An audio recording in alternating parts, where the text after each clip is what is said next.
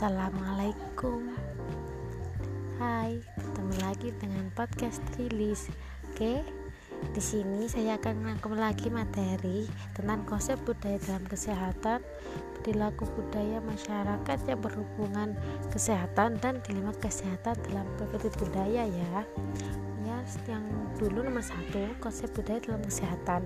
Budaya atau kebudayaan berasal dari bahasa Sanskerta yaitu budaya yang merupakan bentuk jamak dan budi atau budi atau akal diartikan sebagai hal-hal yang berkaitan dengan budi dan akal manusia kebudayaan sangat erat hubungannya dengan masyarakat loh Melville J. Henskovic dan Brownslow Malinowski mengemukakan bahwa segala sesuatu yang terhadap dalam masyarakat itu sendiri.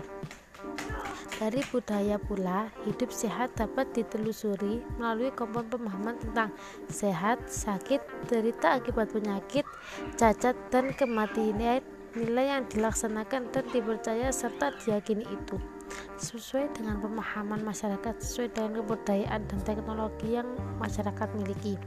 Sebagai contoh pengaruh kebudayaan hidup masalah kesehatan adalah pengguna kunyit untuk obat penyakit kuning hepatitis Oke, yang selanjutnya perilaku budaya masyarakat yang berhubungan kesehatan. Masyarakat yaitu kelompok manusia yang besar yang mempunyai kebiasaan, sikap, tradisi, dan perasaan bersatu yang sama. Unsur masyarakat ada dua, kesatuan sosial dan pronata sosial. Kesatuan sosial yaitu bentuk kesatuan individu yang berinteraksi meliputi kerumunan, golongan, dan kelompok. Kedua, peranan sosial himpunan norma-norma dari segala tingkatan yang berkisar pada suatu kebutuhan pokok dalam kehidupan masyarakat. Kebudayaan Kebudayaan merupakan seluruh kesatuan dan hasil kelakuan manusia yang teratur oleh tata kelakuan yang harus didapatkannya dengan belajar dan yang semuanya tersusun dalam kehidupan masyarakat. Unsur budaya itu ada sistem religi, sistem dan organisasi masyarakat, sistem pengetahuan, bahasa, kesenian, mata, pen, mata pencegahan, teknologi, dan peralatan. Pengaruh aspek sosial budaya itu ada empat loh. Satu umur, jenis kelamin, pekerjaan, sosial ekonomi. Yang selanjutnya dilema kesehatan dalam perspektif kebudayaan lo ya. Struktural berasal dari kata strats atau kultur. Trans berarti aluar perpindahan jalan lintas atau berhubung. Menurut kamus besar bahasa Indonesia kan berarti melintang melintas menembus melalui kultur berarti budaya. Definisi itu dalam perkembangannya. Iptek harus didasarkan terhadap moral dan kemanusiaan yang adil dan beradab agar semua masyarakat bisa melakukan iptek secara menarik.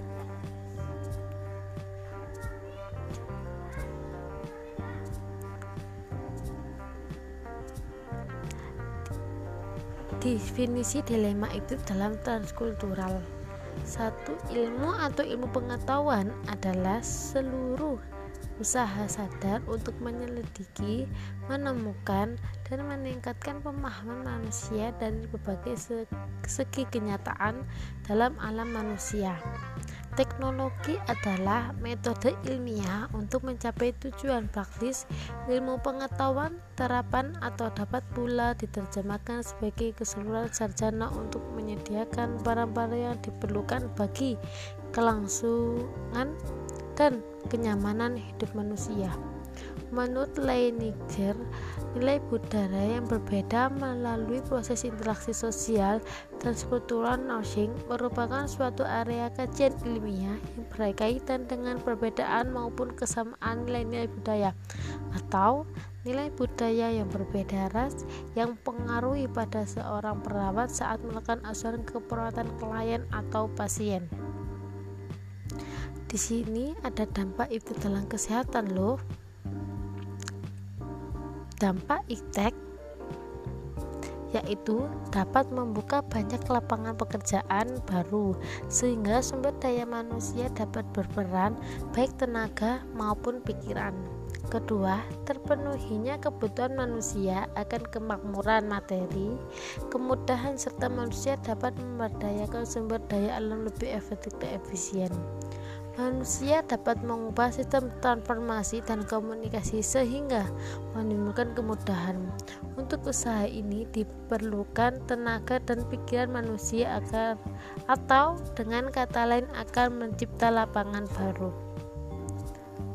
Prinsip pengatasi dilema itu ada satu otonomi, kedua beneficience, tiga justice, keempat non malevolence, kelima veracity atau kejujuran, keenam fidelity, ketujuh kerahasiaan, kedelapan akuntabel.